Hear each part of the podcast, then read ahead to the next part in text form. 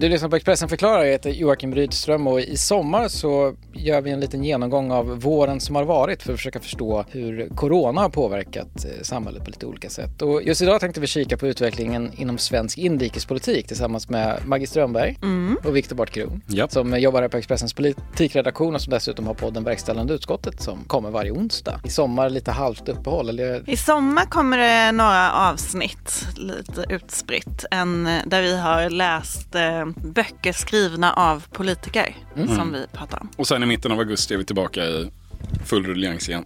Perfekt. Innan dess så ska vi då alltså gå igenom vad som har hänt eh, under coronakrisen inom svensk politik. Och jag tänkte börja med att Regeringen har ju hyllats och ifrågasatts för sitt sätt att leda Sverige i krisen och nu senast verkar det exempelvis handla mest om att ifrågasätta både från nationellt och internationellt håll givet att eh, dödstalen är så höga jämfört med andra länder. Men om man skulle ge er på en, jag älskar det här uttrycket, samlad bedömning Eh, av regeringens sätt att hantera coronakrisen. Hur skulle ni säga att den ser ut? Ja, alltså det har väl varit lite fram och tillbaka men eh, det man kan säga är väl att socialminister Lena Hallengren är ju den som har varit mest eh, synlig. Kanske många gånger mer än Stefan Löfven. Hon är ju också ansvarig för de, två av de viktiga myndigheterna, Folkhälsomyndigheten och Socialstyrelsen. Och mycket av diskussionerna redan från början har ju handlat om eh, vilken roll spelar politikerna och vilken spelar myndigheterna och myndighetscheferna och vem är det egentligen som styr och bestämmer. Det har ju i hög utsträckning varit myndigheten, mm. Folkhälsomyndigheten som har bestämt strategin som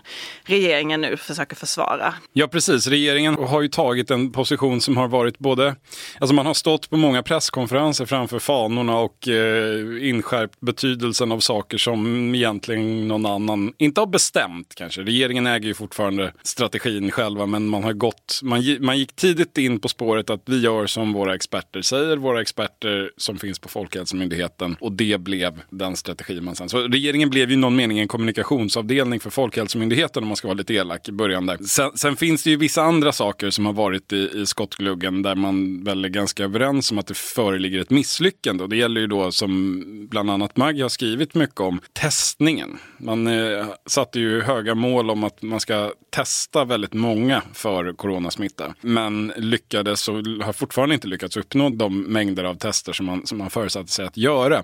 Och där har det ju nu i ett par månaders tid egentligen varit en, en diskussion om vems fel det egentligen är. Mm. Där regeringen pekar på regionen och regionerna pekar väl på både myndigheten och regeringen. Och eh, ingen vill riktigt kännas vid varför, varför man inte har fått igång de här testerna på det sätt man, eh, man önskar. Vems är felet? Ja, det beror väl lite på vilket perspektiv man har. Men eh, det kan man säga att det finns många, många inblandade det här. Men från början så var det ju Folkhälsomyndigheten som tyckte att vi inte skulle testa så mycket i Sverige. Alltså i andra länder har man ju testat mycket mer och byggt mm. upp en, en mycket mer utbredd teststrategi, test, eh, vad säger man, en, en liksom... Eh, en infrastruktur. Exakt, en infrastruktur för tester. Och det gjorde man inte i Sverige utan då bestämde man ganska tidigt att man bara skulle testa de som befann sig i sjukvården eller på, i äldrevården. Sen kom det ett ökat politiskt tryck i den där frågan och då gav regeringen Folkhälsomyndigheten i uppgift att ta fram en teststrategi och öka testerna. Och det gjorde Folkhälsomyndigheten men inte liksom supervilligt utan ganska, de tyckte fortfarande att de hade rätt i att man inte skulle testa så mycket. Sen gjorde, skrev de en teststrategi som innehöll ganska mycket liksom, tolkningsutrymme vilket regionerna och SKR liksom tolkade. De tolkade det väl som att deras uppdrag inte var så stort medan regeringen tolkade det som att det var väldigt stort. Sen så fanns det länge oklarheter kring finansieringen och det var väl också därför regionerna inte var benägna att börja testa. Man ville se att man verkligen fick betalt för det här från, från eh, statligt håll. Men jag tror att i slutändan i alla de här frågorna, vems fel är det? Det, det där kommer ju den här kommissionen som nu ska tillsättas ägna mycket tid åt att reda ut förstås. Var har saker gått fel? men jag, berätta vem gjorde fel? Ja, ja, men jag tror att i slutändan så är det väl ändå så att det är ju regeringen som ska se till att saker och ting fungerar. Vem är det som kör egentligen då? Är det, är det regeringen? Är det Folkhälsomyndigheten? Är det regionen? Alltså jag, det, det är superförvirrande när man står vid sidan av skulle jag säga. Ja. Det verkar ju vara förvirrande även för de som står mitt i det ibland kan man tycka. Men regeringen har ju det yttersta ansvaret någonstans för, för det som händer eh, och inte händer. De har också möjligheten att gå in och eh, göra något åt det på en nivå som, som som ingen annan riktigt har. Men eh, det är klart att det kan bli en diskussion också om hur saker fungerar i det här landet och en sån har vi väl redan sett början till. Att Sverige jämfört med andra länder har vi väldigt starka myndigheter som är väldigt fristående från politiken och vi har ganska hög grad av decentralisering av, av mycket av verksamheten, det vill säga att regioner och kommuner ansvarar för ganska tunga områden. Det finns väl en, en känsla som har vuxit här inte bara på grund av det här, men mycket på grund av det här att det här kanske inte fungerar så bra som vi alltid har föreställt oss att det fungerar. Särskilt inte i krisläge. Och eh, man har väl hört, rätta mig om jag har fel Maggie, men från regeringen också att de ser väl eh, att det kan finnas anledning att centralisera ännu mer. Man pratar ju, de vill ju till exempel inte förstatliga sjukvården, vilket är en sak som andra har lyft här. Men de tycker ju att det behövs ett ökat statligt ansvar. Och man kan säga att svensk krishantering bygger delvis på någonting som kallas kallas för ansvarsprincipen som, som betyder att den som är ansvarig för någonting i, i det helt vanliga vardagliga livet är också ansvarig när det blir kris eller krig. Och det gör att vi har liksom inte undantagstillstånd i Sverige. Vi har inte riktigt möjligheten att säga att eh, okej, okay, men nu tar regeringen över allting. Utan respektive liksom myndighet eller eh, nivå i politiken förväntas även vara ansvarig i kris. Och det där har väl ingen riktigt kanske pratat om att man vill ändra på, men däremot vi har ju sett vid några tillfällen att till exempel Socialstyrelsen har fått eh, ett mer samordnande upp uppdrag när det gäller till exempel IVA-platser. Regeringen tog ju också en, en maktlag som det var ganska mycket politisk konflikt kring, där man gav sig själv, eller riksdagen var det ju formellt som liksom röstade igenom den där lagen, men den gav regeringen större befogenheter, större mm.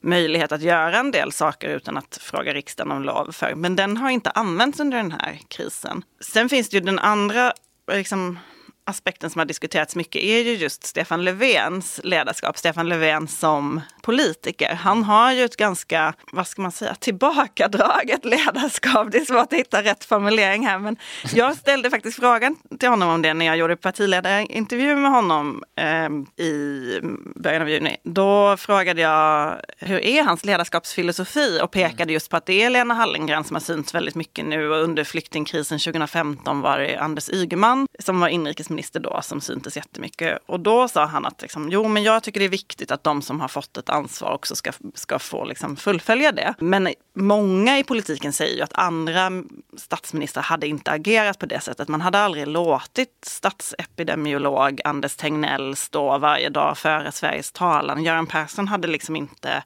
jobbat på ett sånt sätt och inte Fredrik Reinfeldt heller. Nej, och så har ju inte de andra regeringarna jobbat eh, i vår, vårt närområde och så heller. Utan i, i Danmark till exempel har det varit Mette Fredriksen som är statsminister mm. där som har varit den som har stått och eh, haft sina, om inte dagliga så väldigt många briefings om eh, läget och vad man och gör. Och ofta tillsammans med myndighetsföreträdarna. Absolut, men, eh, men det har ju inte funnits en motsvarighet till det här eh, som vi har haft i Sverige. Att klockan 14 så varje dag så har det stått tre myndighetspersoner och berättat om allt och inga politiker närvarande. Utan de har varit med vid ceremoniella tillfällen nästan för att kungöra de viktigaste besluten från myndigheterna. Eh, men om man ska ändå, har ju varit en debatt apropå liksom vilken kritik eller hyllningar eh, som har förekommit.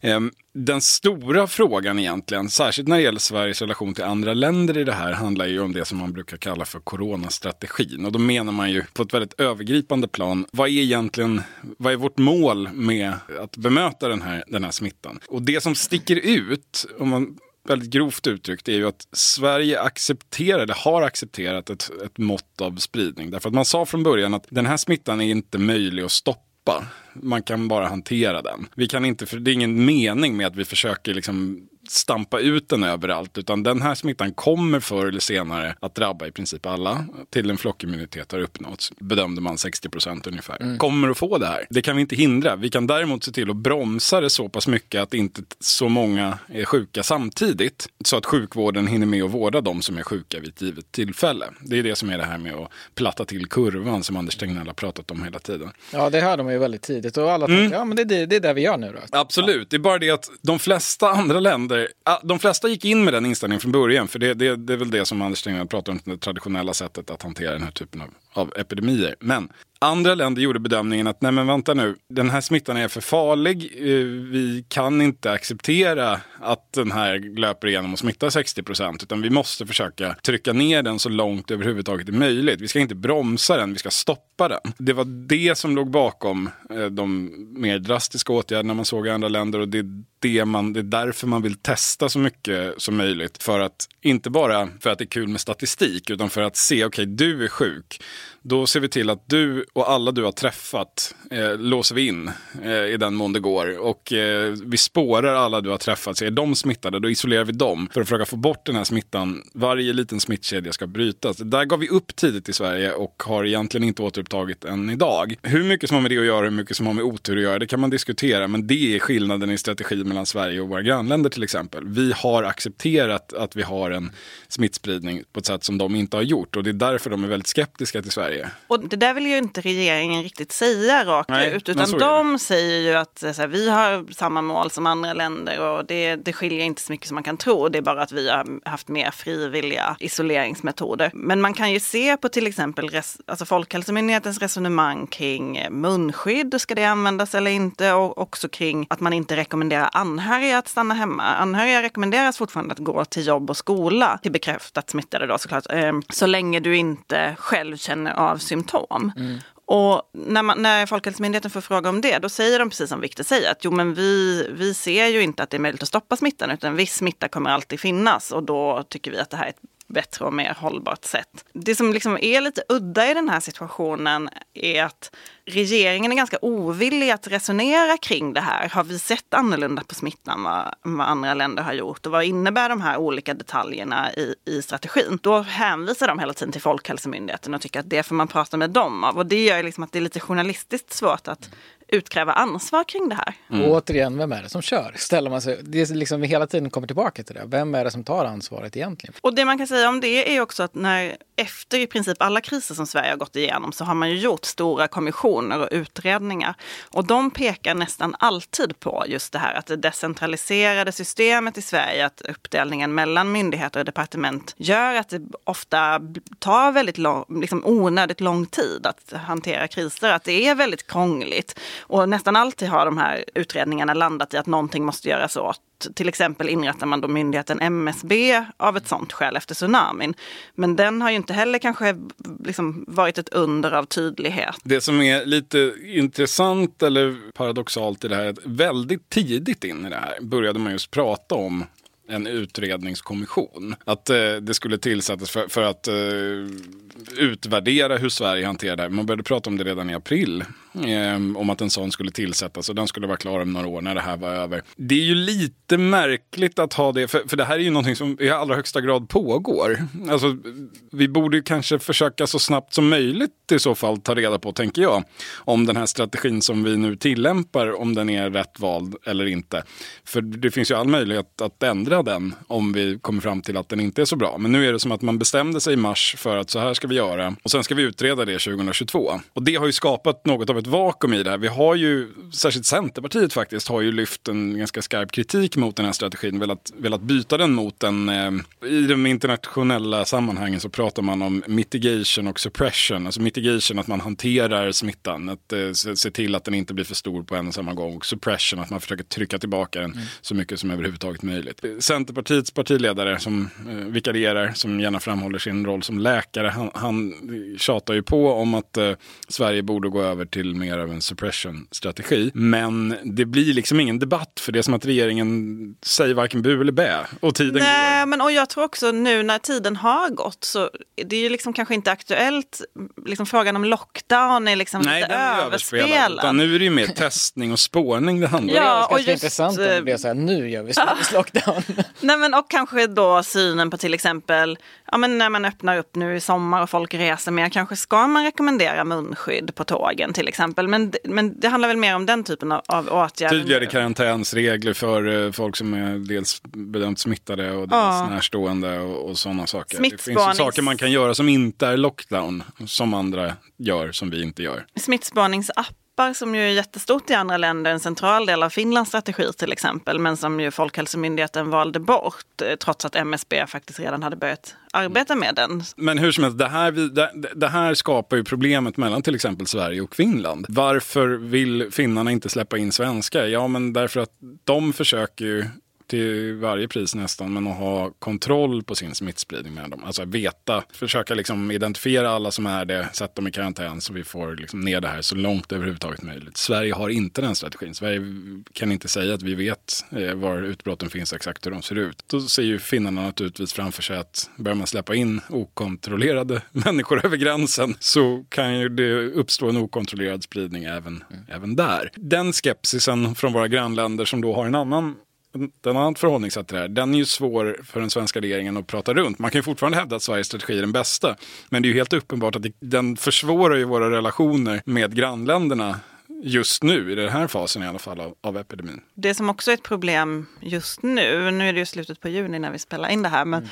nu har ju Sverige ändå ökat sin testning en del jämfört med hur det var tidigare. Och nu ligger vi väl runt 60 000 tester i veckan tror jag det var senast jag kollade, från att ha gått från 30 ungefär. Det har ju nu gjort att det ser ut som att det finns alltså att smittan ökar i Sverige, att det finns väldigt mycket smitta. Men det säger ju Folkhälsomyndigheten inte gör och hänvisar då till dödstal och inläggningar på IVA. De är väldigt eh. snabba alltid, Folkhälsomyndigheten, att säga nej, nej, nej, det där stämmer inte. Så nej, och det, jag menar det ligger väl eh, något i det. Det ser mm. inte ut om man tittar på liksom vårdsituationen som att det ökar över hela landet. Däremot om man bara tittar på testerna så ser det mm. ut så. Men det gör ju att utomlands så tolkar man också det som att Sverige kanske har ännu mindre kontroll på sin smitta än vad vi faktiskt har. Så det håller de ju på att ägna väldigt mycket mycket tid åt nu att försöka förklara och tydliggöra. Och... Men en av mina tydligaste bilder av hur vi har hanterat corona är det först och främst att det kommit otroligt mycket pengar som statligt stöd för permitteringar och ja, direkta stöd till olika branscher. Jag, om man ska vända lite och kolla på liksom hur enigheten har sett ut. Har det funnits en politisk enighet kring hur pengarna används eller har det knorrats där mellan partierna? Nej, det där var ju tidigt den stora politiska konflikten egentligen. Mm. Man höll ju ihop rätt så mycket när det gällde just själva smittobekämpningen och strategin kring det. Men däremot när det gällde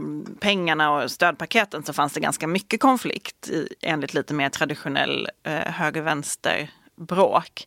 Eh, Vänsterpartiets partiledare Jonas Sjöstedt var ju tidigt ute och anklagade svenskt näringsliv för att driva en fräck kampanj för att passa på att få massa pengar nu. Centerpartiet och Liberalerna har ju, samarbetar med regeringen om den ekonomiska politiken och har ju drivit väldigt hårt eh, direkta stöd till företagen medan eh, regeringen mer har velat liksom, ägna sig åt a-kassa och andra frågor. Men det är också så att det hänger ihop på något sätt och det blir väl allt tydligare att eh, hur man lyckas bekämpa smittan eller inte hänger ihop med hur den ekonomiska återhämtningen kan se ut. För när det här uppstod var det som att alla utgick någonstans från att nu handlade det om en begränsad tid, kanske tre månader, ett halvår, där saker och ting kommer att vara åt skogen, nedstängt, eh, det kommer att vara väldigt låg aktivitet i ekonomin, vi måste övervintra detta. Då kommer de här korttidspermitteringarna, det vill säga att man kan behålla jobbet och så täcker staten upp lönen för att man inte jobbar så mycket. Vi såg andra väldigt tydliga så här, kortsiktiga åtgärder för att hålla folk och företag flytande. Nu är det ju så att det har gått ganska, det, det har gått en tid, det har gått en tre snart fyra månader sedan det här började. Det är väl ingen som riktigt ser någon tydlig slutpunkt. Och fler och fler ställer sig väl frågan, men okej, de här åtgärderna som vi har vidtagit nu, de är inte särskilt uthålliga för de är väldigt, väldigt dyra. Att täcka upp företags förlorade omsättning, att täcka så hundratusentals svenskars löner, det, det kostar ju enorma pengar. Eh, och vad är slutpunkten om vi nu går in i ett läge där, där det, den här smittan finns där och påverkar ekonomin negativt under en väldigt lång tid framöver? Fler och fler behöver landa att vi måste börja med, alltså sättet att få igång ekonomin är att på något sätt boxa in och hantera den här smittan på ett sätt som tillåter att, eh, att livet och ekonomin återgår till så nära det normala som möjligt. Och där kan man då landa olika. Antingen att man ska, alla ska göra som Sverige, det vill säga vi ska försöka leva ganska normalt, bara se till att IVA-platserna räcker. Eller som i andra länder tänker vi ska trycka ner den här smittan så långt att vi kan eh, typ återgå till det normala och sen göra punktinsatser där den dyker upp. Kanske stänga ner en stad om det behövs under en kortare tid till vi har fått kontroll på det utbrottet. Det är olika sätt att hantera liksom, kombinationen av virus och ekonomi över tid. Och det är ju lite besvärande att vi även där då skiljer oss från omvärlden. Det riskerar ju ytterst att göra att Sverige isoleras även ekonomiskt. Där, där finns det lite att grunna på nu. För utmaningen ser inte riktigt ut kanske som man trodde att den såg ut när det såg ut som att nu skulle det komma en våg och skölja över oss. Alla skulle smittas inom ett halvår och sen skulle Europa uppnått en flockimmunitet. Så ser det ju inte ut att bli. Men finns den här risken då liksom att någon helt plötsligt säger oj då, alla pengarna tog faktiskt slut? Det säger väl Magdalena Andersson redan nu i princip. Hon är ju, alltså, det har ju kommit krav från eh, Moderaterna, Kristdemokraterna, Centerpartiet, Liberalerna på att ge ännu mer stöd till företagen och då har hon ju sagt hela tiden att vi måste spara pengar för att kunna stimulera ekonomin när det här är över och kunna sätta igång igen. Sen ska man ju se att man har ju höjt eh, vad utgiftstaket till historiska nivåer. Man, liksom, korttidspermitteringarna tror jag landar på 100 miljarder i år. Sverige har ju en låg statsskuld jämfört med många andra länder och det, det finns nog fortfarande en hel del utrymme att göra satsningar. Problemet med de satsningar som har gjorts har ju varit att det har gått väldigt fort. Vissa av dem har slått jättebrett så att även företag som går bra har fått ta del av dem. Och sen samtidigt så har man liksom ut utformat dem på sätt så att vissa som går jättedåligt, eh, till exempel enmansföretag, så har haft svårt att ta del av stöden och i princip haft en jättetuff tid mm. nu, trots de här liksom historiskt stora stöden. Så att det har ju gått liksom snabbt och då är väl frågan om man kommer lyckas hitta mer stödpaket som slår bättre. Ja, och det hänger ihop med svårigheten att veta vad det är för typ av ekonomisk utmaning som man har framför sig. Alltså, mm. är det, lite grann finns väl en konflikt där eh, Magdalena Andersson då har tryckt ganska mycket på det långsiktiga långsiktiga perspektivet. Just att vi måste liksom ha kraft kvar för att återstarta sen när det nu blir. Alltså hela tiden betonat att det här är en kris som varar länge. Vi vet inte hur länge och vi vet inte hur svår heller. Medan man kanske från, från oppositionen haft inställningen att här och nu ska företagen få oss att övervintra så att när det här är borta så kan vi dundra på som vanligt. Och det finns väl en krypande känsla av att det där, den där tydliga slutpunkten, den kommer inte komma, i alla fall inte i närtid. Och vi kommer kanske behöva, för, för så är det ju, att så här, kan pengarna ta slut? Ja, inte på, på kort sikt. Sverige har låg statsskuld som sagt, vi kan låna upp mer pengar, vi har trovärdighet på marknaden och så. Vi kan gå med underskott ganska länge, men förr eller senare måste vi ju ha en, en fungerande ekonomi. Värdena som ska fördelas måste ju skapas.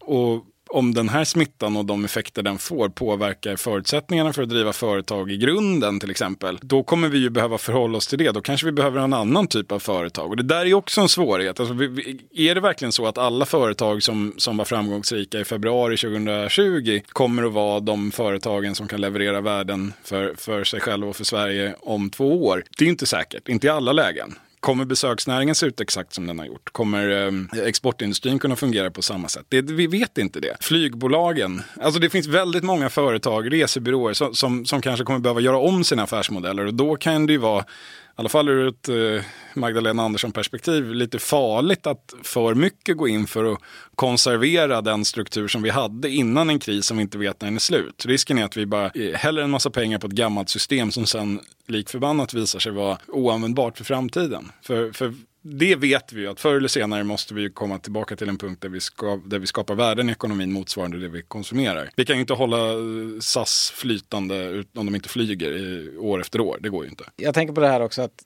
om Sverige hade haft en väldigt hyllad eh, coronastrategi och det hade gått väldigt bra och vi hade varit liksom världsledande, vilket vi nu uppenbarligen inte är eftersom kritiken växer.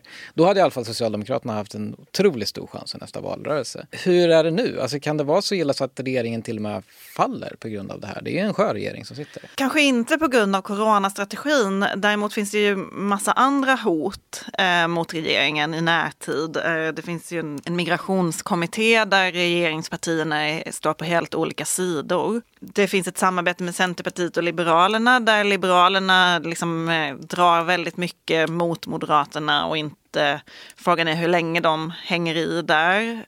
Um, så det, det, det, finns ett antal det finns LAS-frågan där Jonas Sjöstedt har hotat med misstroende. Det finns ett antal hot mm. eh, som ligger i den vanliga politiken. Vilket också känns så bisarrt för det, det, känns som att den politiken har ingen, det känns som att den inte diskuteras. Det är bara corona när man tänker på det. Det eh, för oss som är inne i politiken varje dag tror jag att vi känner att det börjar väl glida över mer och mer till ja. det och mindre och mindre till corona faktiskt. Det, Men, eh... Och det är ju intressant för det läge som är inrikespolitiskt är väldigt intressant, det är väldigt händelserikt och eh, ganska dramatiskt egentligen. Men Precis ja, det är stora frågor, migration, LAS, det är ju liksom ja, småpotatis. Nej, verkligen inte. Och och eh, det hade ju var och en för sig hade de här frågorna kunnat dominera en politisk nyhetsagenda för en, för en sommar eller månad tidigare. Men det har ju varit extremt påtagligt, framförallt i mars, även i april eh, och sen lite grann fallande såklart. Men in, hur Sveriges intresse har varit fullständigt konsumerat av corona, det har ju vi sett som skriver om andra saker. Intresset för att läsa om andra saker, saker som i vanliga fall är, uppfattas intressanta, har ju inte alls varit lika eh, det har inte alls varit lika hett. Men apropå det du säger, hur kommer det påverka regeringen med coronastrategin? Det finns ju en, en liten komplicerande faktor i det att det var ju inte så att något annat parti egentligen var emot Sveriges vägval i det här. Utan det är ju någonting som man med, med facit i hand har kommit fram till att man kunde borde gjort annorlunda. Man såg en stor politisk samling i, eh, i mars och det är väl svårt att, alltså inget parti vill egentligen gå emot rekommendationerna från, från eh, Folkhälsomyndigheten i, i, i det skedet. Då är det svårt att komma, även om vissa försöker att komma i efterhand och säga att hade vi styrt så hade det, hade det här blivit mycket bättre. Det hade det ju förmodligen inte eftersom alla satte sig i samma båt det första de gjorde. Så det har väl avpolitiserat eh, frågan om coronastrategin en smula. Däremot så är det klart att långsiktigt kan det ju påverka bilden av regeringsduglighet om det visar sig ha fungerat illa när det här är över. Vi ska säga det, det, det, det är ju fortfarande, inget är slut. Det, det, kan ju fortfarande visa sig så att eh, den svenska folkhälsomyndighetens eh, linje var den upplysta eh, med, med världens facit i hand. Eh, just nu ser det kanske inte ut så, men det, den här smittan är inte... Vi, vi har inte vaccinet och i, i sju miljarder doser än, så vi ska inte liksom hugga någonting i sten kanske. Om man säger om framtiden då, hur ser hur ser inrikespolitiska landskapet ut i höst? Det är ju väldigt svårt att säga, men eh, tidigare har det ju pratats väldigt mycket om att Stefan Löfven är på väg att sluta, att han eh, kommer lämna före nästa val. Där har han ju själv sagt att han inte vill, men det brukar ju folk å andra sidan säga, även om de eh, vill det. Sen tycktes det ju som att han stärktes här i sin roll till en början och nu är det väl tvärtom just nu, men saker svänger ju snabbt. Jag tror att det kommer bli svårt med hela januari-samarbetet, men samtidigt så ser vi att de bockar ju av av en del konfliktfrågor. Höghastighetstågen har gått ut på remiss, för, eller ja, skickats till Trafikverket som var en sån stor punkt nu precis före sommaren. Och eh, svårt att säga, det kan vara, det, vad som helst kan hända. Det kan bli regeringskris eller så puttrar det på. Eller så blir det både och. Det är väl en, det, det, nej men man, man, kan ju tänka sig att det exakta formerna för det regeringssamarbete man har nu havererar. För den, den springande punkten är verkligen Liberalerna som starka kliv rör sig bort från det här samarbetet som den nuvarande partiledningen aldrig ville ha. Skulle det bli så att de tar sin hatt och går, då faller ju det så kallade januarisamarbetet. Men det behöver ju inte betyda att regeringen avgår kan ju vara så att man hittar ett sätt. Stefan Löfven, om det är någon, någonting han har varit verkligt framgångsrik i under sina år som partiledare och sedermera statsminister så är det ju att hitta vägar fram ur till synes knepiga lägen. Han avgår inte i första taget, det vet vi vid det här laget. Och Centerpartiet verkar inte särskilt benägna om att han ska bytas ut och, och Vänsterpartiet ser ju inget bättre alternativ och Miljöpartiet inte heller. Och där finns det kanske en liten eh, riksdagsmajoritet som han kan stappla sig vidare med. Plus då att liksom byta regering mitt i en kris eh, där det ska komma in ett nytt gäng och ratta socialdepartementet och statsrådsberedningen. Det skulle liksom... Nej, jag vet inte hur sugen Ulf Kristersson är på att ta över just nu. Han alltså. har väl till och med själv gjort ganska tydligt att han inte är så sugen på det eh, just under en kris. Eh, det är bara det att den krisen kan ju pågå ett tag. Vi ser att den pågår i höst. Sen är det våren 2021. Då är det bara ett och ett halvt år eh, eller mindre till nästa val. Ska man byta regering då? Vad är det för mening med att komma in som ny regering om du bara hinner lägga en budget? Det finns en, liksom, tidens obevekliga gång talar på något vis igen för Stefan Löfven som statsminister även de kommande åren. Det är helt enkelt för, ehm, för krångligt att få till något annat i det här skedet. Det är för, för många som, har något, som tycker sig ha något att förlora på det. Så det är nog stalltipset ändå, med risk för att vi får äta upp det här. Att, att på något vis trocklar man sig vidare framåt och eh, kanske lyckas man bocka av ännu fler Eh, jobbiga knäckfrågor längs vägen. Det är väl den, det de, de drömmer om, att kunna bocka av eh, migrationen, höghastighetsbanorna. Eh, om man får lagen om anställningsskydd, om den frågan kan lösas ut mellan höger och vänster en gång för alla, ja då kanske det här visar sig vara ett riktigt produktivt år för för den regering som nu sitter. Vi får se, men det blir spännande i alla fall. Vi ser fram emot att få komma tillbaka efter semestrarna. Och till dess så får ni passa på då att lyssna på verkställande utskottets sommarspecial. Eh, Precis. Bokklubben, perfekt för hängmattan. Mm. Häng med.